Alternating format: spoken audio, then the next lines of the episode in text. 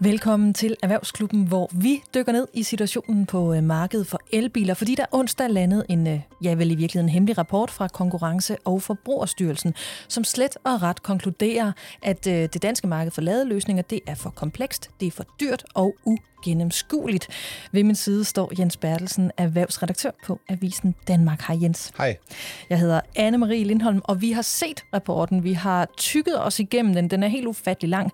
Men det er vigtigt at understrege, at den her rapport, den er ikke endelig, den er ikke udgivet, og så er den jo vel strengt taget også fortrolig. Øhm, og Jens, inden vi taler om den, kan vi så ikke lige øh, bare runde, hvad er det for forbehold, vi skal tage os i forhold til den her rapport, fordi den er ikke udgivet og fortrolig? Jo, altså Konkurrence- og Forbrugerstyrelsen, de har jo arbejdet på den her rapport siden 2021, og det er faktisk rigtig lang tid i et så umodent marked, som, som elbilmarkedet jo er. Men altså, jeg synes, det er fantastisk at dykke ned i, i, i rapporten, fordi der er så mange sådan markedstal, der er hentet hos øh, de her ladeudbydere. Det er jo tal, man normalt ikke har adgang til, og som man fortæller om markedsandele, og, så, og hvor meget de forskellige lader bliver brugt. Men altså, jeg tror, i styrelsen, der klør de sig lidt i nakken over, at vi står og taler om den her rapport, fordi den jo strengt taget slet ikke er, er færdig.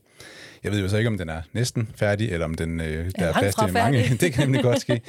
Fordi den er jo sendt i høring lige nu hos alle mulige øh, interessenter, der, der skal have mulighed for at komme med input til, til rapporten. Og øh, hvis øh, styrelsen gør det, som den jo bør gøre, så, så skal den jo lytte til de her mange ja, argumenter, der nu vælter ind fra bilbranchen, fra FDM, øh, miljøorganisationer og alle mulige, der, der har interesser, men også har en, mm. en, en form for faglighed til at, til at, at, at gøre den her analyse meget stærkere. Men altså de anbefalinger, som man kan læse om i den her øh, lækkede rapport, de, det giver jo nok et øh, uh, fingerpege om, hvad det er, myndighederne sidder med, og, og så, så derfor så kan jeg godt forstå, at det er noget, der interesserer både øh, elbilejerne, der, der skal stå med det her i fremtiden, men selvfølgelig også den branche, der det hele det handler om. Ja, og uanset om vi så helt kan regne med, om det er sådan her, det bliver, så giver det et meget godt afsæt til at tage en snak om, øh, om hvordan situationen er på markedet. Fordi hvad siger rapporten egentlig? Altså i hovedtræk, rapporten er, hvad er det, 150 sider lang? Mega ja, omkring, lang. Ja. Så jeg beder dig ikke om at komme med dem alle sammen, men bare de overordnede. Jamen altså, som du starter med at sige, så er, så, så er budskabet jo, at danskerne betaler for meget for opladning af deres øh, elbiler. Det er simpelthen svært at gennemskue, hvad der er den rigtige løsning for forbrugerne, og så er der bare mange, der ender med at bestille en, en dyrere løsning, end de havde behøvet.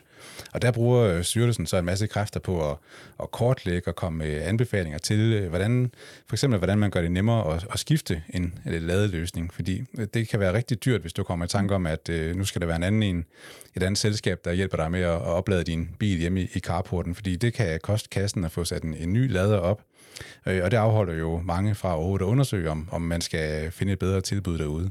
Og det er jo lige præcis sådan noget, konkurrencemyndighederne de skal interessere sig for. Mm. Nu kan vi heldigvis sige uh, hej til Elias Dogo, der er forbrugerøkonom hos FDM. Hej Elias. Hej. Du har også læst den her uh, rapport. I har jo sådan set været med ind over hele arbejdet i forhold til, til den her rapport.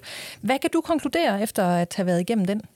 Øh, men jeg kan jo konkludere, at Kongress- og Forbrugerstyrelsen kommer frem til en øh, konklusion, der ikke er overraskende, og det er, at lademarkedet er meget uigennemskueligt for forbrugerne, og der er rigtig mange forbrugere, der betaler en højere pris for deres abonnementer, end hvad de ellers ville have gjort, hvis de havde afsøgt markedet bedre. Øh, og, og, og en af konklusionerne er jo, at, øh, at når der er så mange forbrugere, der betaler en øh, overpris øh, og, og så høj beløb, fordi vi taler om alt fra 300 til, eller mellem 300 og 500 kroner per måned, som svarer til cirka de der 6.000 kroner per år, det er jo ret mange penge. Øh, og så kommer styrelsen med en del anbefalinger i forhold til, hvad man skal gøre, og noget af det synes vi er meget fornuftigt, og så er der noget andet, hvor vi tænker, at øh, det, det, det må de lige øh, tyk på en gang til. Det kan vi ikke bakke op omkring. Mm. Øh, så det er en meget interessant rapport, men jeg er helt enig i forhold til det, du startede med at sige, det er, at det her det er en solid, grundig rapport, som vi kommer til at tale ud fra og om i de kommende år. Fordi den siger lige præcis, hvilke udfordringer der er på markedet, øh, hvilke uhensigtsmæssigheder der er, øh, og hvilke bevægelser der er. Og plus, så sætter den også på et tal på en masse ting, som vi har gået og undret os over. Altså sådan noget som for eksempel, hvor stor øh, markedsandel har Clever egentlig på offentlig opladning, og hvor stor andel har de inde på i forhold til de forbrugere, som har mulighed for at lade hjemme. Og der viser begge tal, at, at Clever ligger langt over gennemsnittet i forhold til de lande, som vi sammenligner os med. Så i Danmark har vi et, et meget, meget specielt ladeinfrastruktursystem, end for eksempel Norge har, eller Sverige har, eller Holland har, eller Finland har. Så det er et meget, meget interessant rapport, som vi hilser meget velkommen. Og nu spørger jeg lige, hvor, altså når du siger det her med, at vi skiller os ud i forhold til nogle af de andre lande, er det så fordi, at vi har en øh, operatør, øh, som, som sidder så tungt på det danske marked, eller er det noget andet, der gør sig gældende? Altså, øh, konklusionen er, at vi har en stor operatør, som sidder på en stor del af markedet, og det er der ikke i andre lande. Og så kan vi jo spørge, jamen, hvorfor har vi det inde i Danmark? Jamen, øh, Clever var jo Øh, Clever er jo Danmarks største ladeoperatør, og det var nogen, der gik i gang meget, meget tidligt med det her med opsætning af ladeinfrastruktur, langt inden for eksempel tankstationerne overhovedet havde elbilerne i tankene. Så de har været øh, meget forud for deres tid, kan man sige, og de har sat en masse ladestand op. Men der, hvor deres forretningsmodel bliver kritiseret, og det kommer vi tilbage til sikkert lige om lidt, men, men, men det er rigtig vigtigt for at sige, hvorfor vi har nogle anderledes markedsstrukturer end, end for eksempel Norge og Sverige, det er, at politikerne har besluttet gennem årene og med nogle ændringer, at når du for eksempel lader din elbil derhjemme, så har du ret, eller så kan ladeoperatøren tilbyde dig øh, afgiften refunderet. Og det gør så, at man kan få nogle forretningsmodeller ud af det.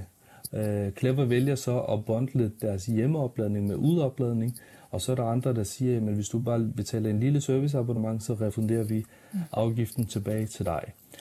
Og det system er unik i Danmark. Det findes ikke i andre lande.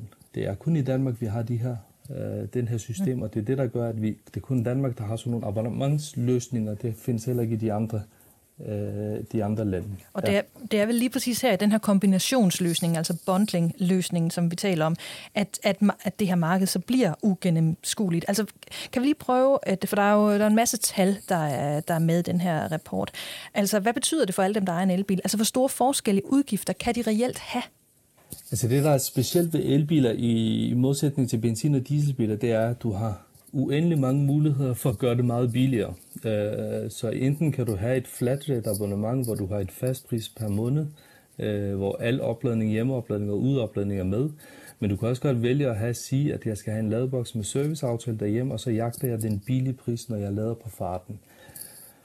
Og fordi nummer to, at, at, at, at der er mange forskellige løsninger, og det bliver så uigennemskueligt. Altså det er jo sådan, at jeg har øh, mellem 30 og 40 ladrelaterede apps på min telefon, og det har jeg, fordi dels jeg nørder med det, men det er så også fordi, at jeg, jeg, jeg, jeg vil gerne komme til at lade, når jeg har brug for det, men jeg vil også gerne lade så billigt som muligt.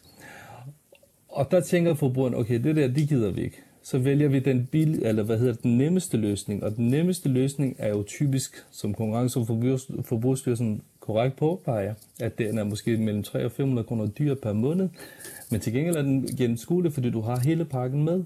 Øh, og, og, og lige pludselig så står vi i en situation, fordi markedet er så gennemskueligt, jamen, så vælger forbrugerne noget, der er øh, dyre, og det er det, der er uhensigtsmæssigt. Altså jeg kan også læse mig frem til, at der er mange nye elbilsejere, der bare takker ja til den ladeløsning, som de bliver tilbudt, altså af deres forhandler, når de alligevel er i gang med at købe bilen. Øhm, på samme måde så vælger 40 procent af de adspurgte i den her undersøgelse i hvert fald, øh, slet ikke at undersøge markedet for andre løsninger. Altså det er vel ikke generelt en tilgang til abonnementer, som FDM plejer at anbefale, vel, øh, vel Elias?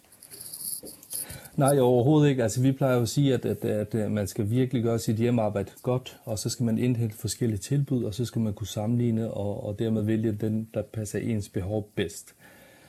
Når det så er sagt, så skal vi lige huske, det med køen elbil, det er jo en helt ny verden, så vi bruger ret meget tid på at finde ud af, hvilken bil jeg skal vælge. Og når man så har besluttet for bilen, og bilen står til levering, så går det op for en, at man jo også skal have en ladeløsning. Og det er også det, Konkurrence- og Forbrugerstyrelsen påpeger, at, at det her med købsprocessen i forhold til ladeløsning, det kommer meget sent i processen. Og fordi det kommer så sent, så bliver det meget øh, presset, presset situation, og derfor så vælger de fleste den første og den bedste løsning, som de finder, og det er netop det her med det, de bliver tilbudt af forhandleren. Uh-huh. Øh, øh, fordi det, det er også den, der har de her, øh, hvad hedder det, bundling, som jeg nævnte lige før, med at du, der er både hjemmeopladning og udeopladning med. Uh-huh. Og der er jo rigtig mange, der så vælger det til, og i stedet for at afsøge markedet. Og grunden til, at forbrugerne så ikke bruger så meget tid på at afsøge markedet, det er netop det der med, at når du kommer ind, så har du 70, 70 forskellige ladeoperatører, som vil gerne have en ladeboks hjemme hos dig med serviceaftale, hvor de vil refundere afgiften.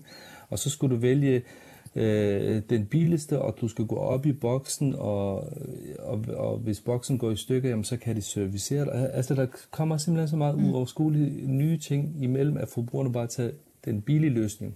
Eller undskyld, øh, den dyre løsning, men som er billigere end det, de kommer fra, nemlig benzin- og dieselverden. Okay. Øh, og der har Clever jo lagt deres priser rimelig strategisk, hvor de typisk er billigere end benzin og diesel men, men dyrere end resten af markedet. Altså, når vi, når vi kigger på, på rapporten som helhed, så kommer, kommer Konkurrence- og Forbrugerstyrelsen jo med en række anbefalinger, som jo blandt andet involverer forbud. Øhm, kan du ikke lige løbe dem øh, igennem? Altså, hvad, hvad er det, hvad er de, sådan, øh, de, de primære anbefalinger, også inklusive det her forbud, som de, de kommer ind, øh, ind på? Jo, altså det her med deres anbefaling omkring øh, forbud mod bundling af ydelser på hjem- og udopladning, og det er så Clevers model, Øh, det er den mest markante. Men der skal vi lige huske, at der er en lille detalje der, hvor de siger, at det er en midlertidig forbud. Mm. Så det vil ikke gå ind og permanent forbyde det. De siger, at det er en midlertidig forbud, hvor man så genbesøger det igen om et par år, for at se, om markedet har udviklet sig.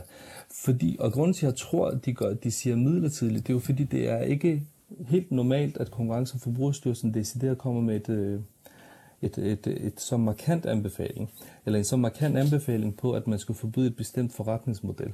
Så jeg tror også, de har sikkert haft nogle interne diskussioner omkring det her, og er så øh, hvad hedder det, endt på det her med, med midlertidigt forbud. Det synes jeg er en meget, meget lille, men vigtig detalje at, have med.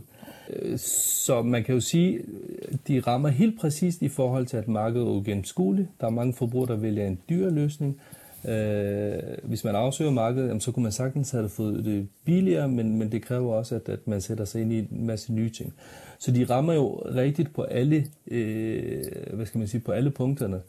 Og så kommer det med nogle anbefalinger. Jeg synes, og vi synes hos FDM, at nummer 5 er lige i overkanten, fordi vi har faktisk rigtig mange, der ringer ind til os og siger, at vi står i en situation, vi har fået en elbil, vi skal have en ladeløsning, hvad skal jeg vælge? Så kommer vi med nogle anbefalinger, og så siger de, at øh, jeg tror, vi løber videre med Clever, selvom det er dyrt, så er det den, vi kan overskue. Mm. Og det skal vi respektere, øh, og det er derfor, vi ikke rigtig går ind for det her med, med forbud mod, mod bundling af, af, af, af hvad hedder det, ydelser på hjem- og udopladning. Hvis jeg lige må nævne de andre anbefalinger, ja. så er det jo også, at Konkurrence- og Forbrugerstyrelsen adresserer elefanten i rummet, der hedder afgiftsrefusion. Altså det der med, at hver gang du forbruger el til elbilen derhjemme, hvor du betaler noget til din til din, øh, til din øh, hvad hedder det, øh, elhandler, jamen så kan lad, uh, ladeoperatøren refundere noget til dig.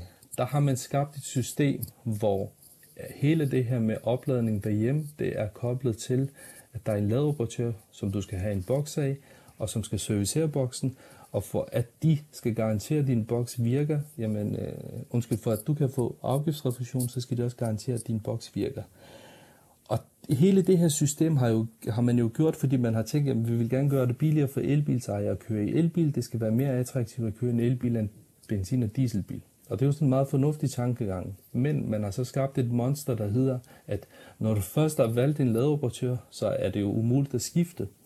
Fordi hvis jeg for eksempel, øh, hvis jeg må henvise til mobilabonnementområdet, hvis jeg har et, øh, et mobilselskab, og jeg gerne vil skifte, så ringer jeg til det nye selskab, så tager de arbejdstøjet på og skifter for mig.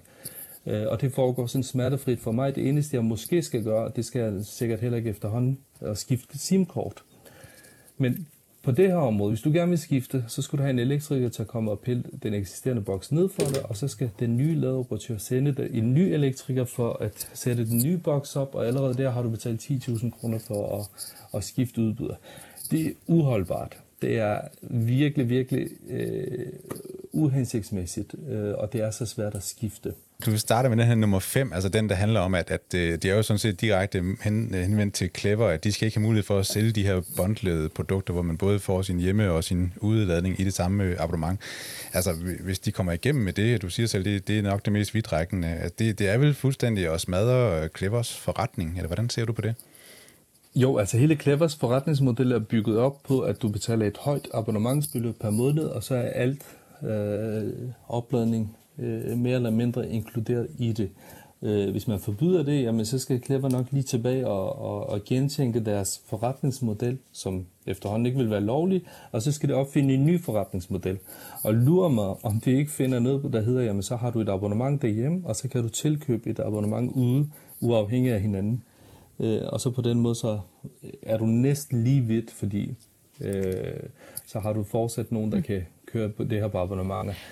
Så jeg, det er også derfor, jeg ikke tror, at det her det er en, en, en permanent løsning. Det er en, en, en øh, lappeløsning, hvor man midlertidigt vil forbyde noget øh, i et par år og, og, og så videre. Øh, så ja, fordi ja, pointen er vel, at... For svaret på dit spørgsmål, det vil dræbe. ja, fordi pointen er vel, at Clever må jo ikke tilbyde en rabat, øh, hvis du har hjemmeopladning hos dem. Så kan de ikke sige, at at den grund, så får du rabat, når du er ude på vores øh, ladenetværk ude i, i, i Danmark. Det er jo det, der er hele pointen, at det, at det må de ikke. Så, så som forbruger kan det vel også blive en dyre løsning, hvis man er en glad Clever-kunde i dag, der, der har en fast pris, og så kan det ende med at blive noget dyrere at lade sin bil. Og, Hvordan? og Jens, du taler om dig selv her. Ja, det kunne man godt ja, forestille sig. Ja. der har et Clever abonnement. Ja, jamen, jamen det vil det helt klart. For nogen vil det være, være, være markant dyrere, og for andre så øh, vil man sikkert finde noget, der er billigere, men det vil så være mere uigennemskueligt, fordi så skal man ud og afsøge nogle nye øh, områder. Så det, og, jeg tror ikke, og det er derfor, jeg ikke tror på, at det er den endelige løsning. Og det man også skal huske, det er, at det der er styrken ved Clever og deres forretningsmodel, det er, at de har så mange offentlige øh, ladepunkter, så har de skabt et netværk. Det vil sige, at de har et, et netværk, som du kan bruge. Og hele tiden har det jo været meget uhensigtsmæssigt, at alle klipper lavede det samme sted. Øh, altså, så, så havde de kun få lynlader. Men nu har de så mange lynlader, at der heller ikke opstået de her køer øh, rundt omkring. Og det er også derfor, jeg tror, at, at øh, med udbredelsen af lynlader, så vil klipper få langt flere tilfredse kunder, men til gengæld så er der færre kunder til resten af markedet. Og det er der, hvor man i stedet for skulle gå ind for et forbud, jamen, og så kigge på nogle andre øh, løsninger. Og nu talte jeg meget om det her med, med, med skifteomkostninger, men bare lige inden den er der, kommer det jo også med en anbefaling omkring det her med, at øh, forbrugerne skal have bedre sammenligningsgrundlag. Og, og for de lytter, der har købt en ny elbil, der har de sikkert øh, lagt mærke til, at det er jo svært at sammenligne ladeprodukter på tværs.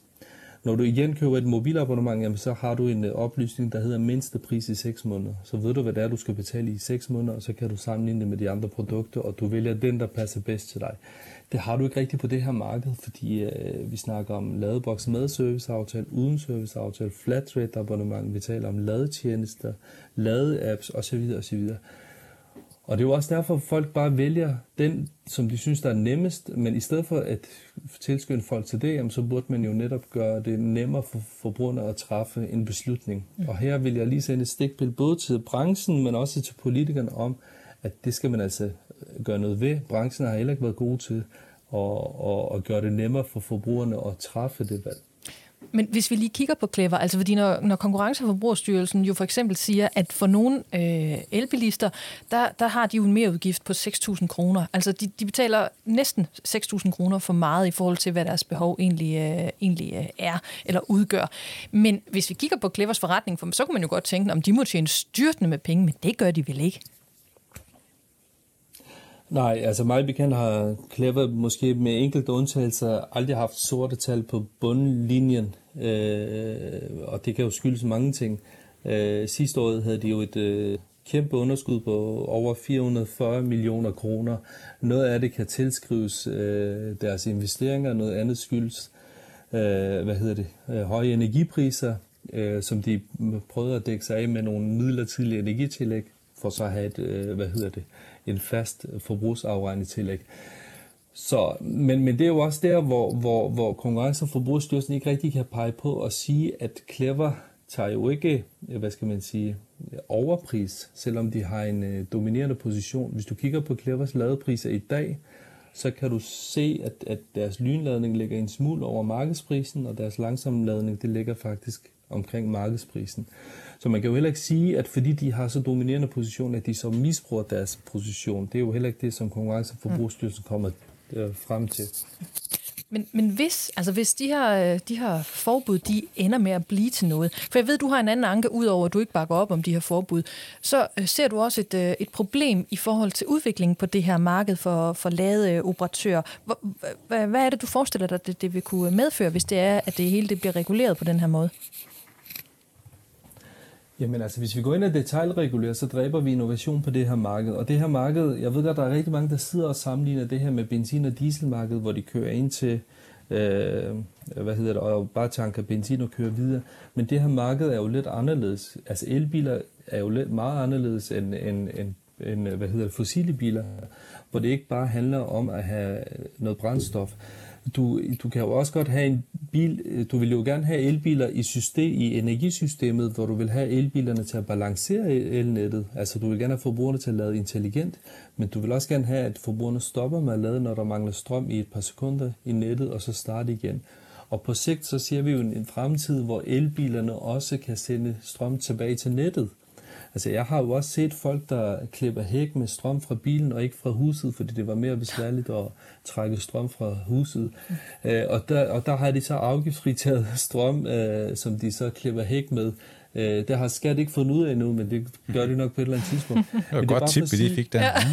Du, Ja, altså hvis du har en bil, der kan det, og det kan det mange af de nye biler, jamen så, øh, så skal du bare gøre det.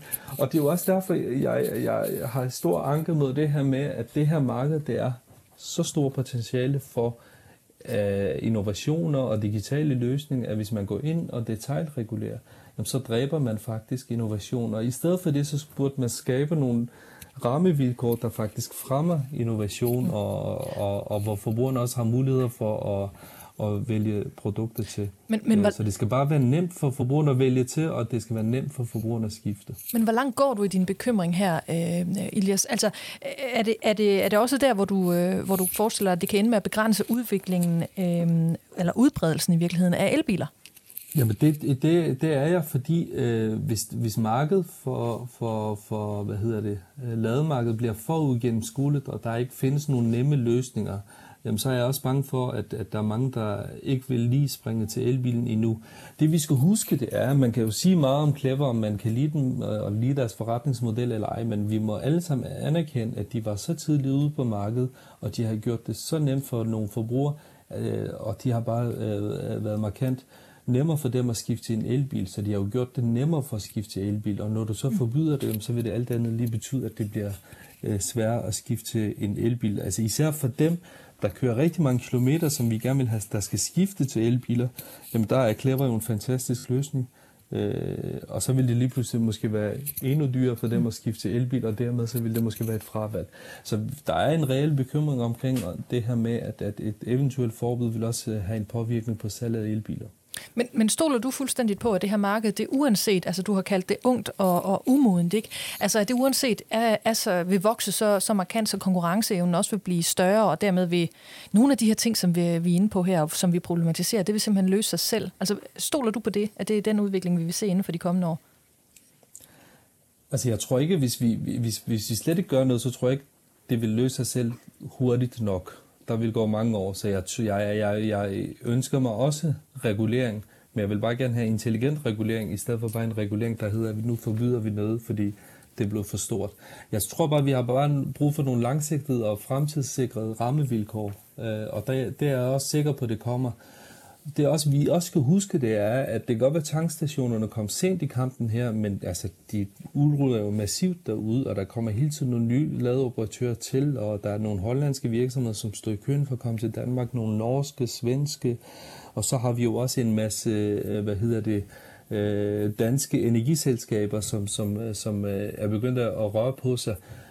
Så det her marked det er et kæmpe potentiale, og det skal nok blive godt. Vi skal bare sikre de øh, rigtige rammevilkår. Vi skal bare sikre, at forbrugerne tager det rigtige valg første gang, være sikret med, at de så har de nødvendige informationer. Og så skal vi også gøre det nemmere for dem at skifte, når de egentlig vil skifte. Det vil skabe så mange dynamikker på markedet, så jeg er ret sikker på, at, at det vil udvikle sig.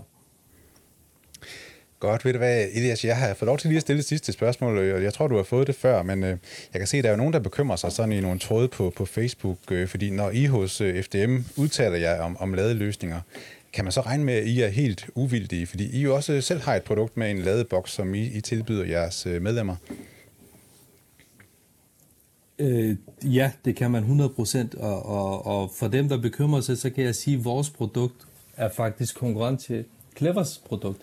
så hvis vi var interesseret i mere salg af vores produkt, så ville vi nok have gået ind for et eventuelt forbud mod, mod bundling.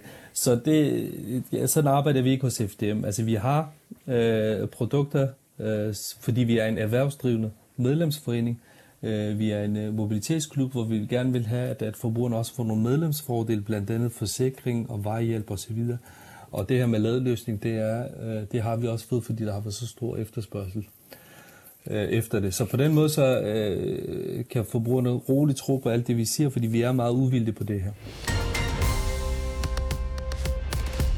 Og her kom der en øh, skiller, og vi har holdt på dig, Ilias, fordi der er sådan set mere nyt om elbiler. Lige for nu, der sætter vi et punktum i den her snak om rapporten fra Konkurrence- og Forbrugerstyrelsen. Og så iler vi videre til Tesla, som havde aktionærmøde i nat, altså natten mellem onsdag og torsdag. Og det har du fulgt med i, uh, Ilias. Hvad synes du, der var det, sådan det mest opsigtsvækkende, der kom frem?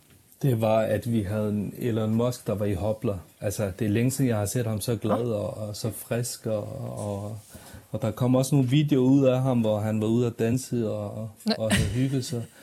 og dagen efter var han til møde med franske præsident, og jamen, øh, jeg, tror, han, øh, jeg tror, han er glad. Øh, og, og det, han egentlig gerne vil vise omverdenen, det er, at han er tilbage til Tesla, fordi nu har han fået en ny direktør til, til, til Twitter. Øh, og så aktionærerne kunne 100% stole på, at han ville dedikere meget mere tid til Tesla.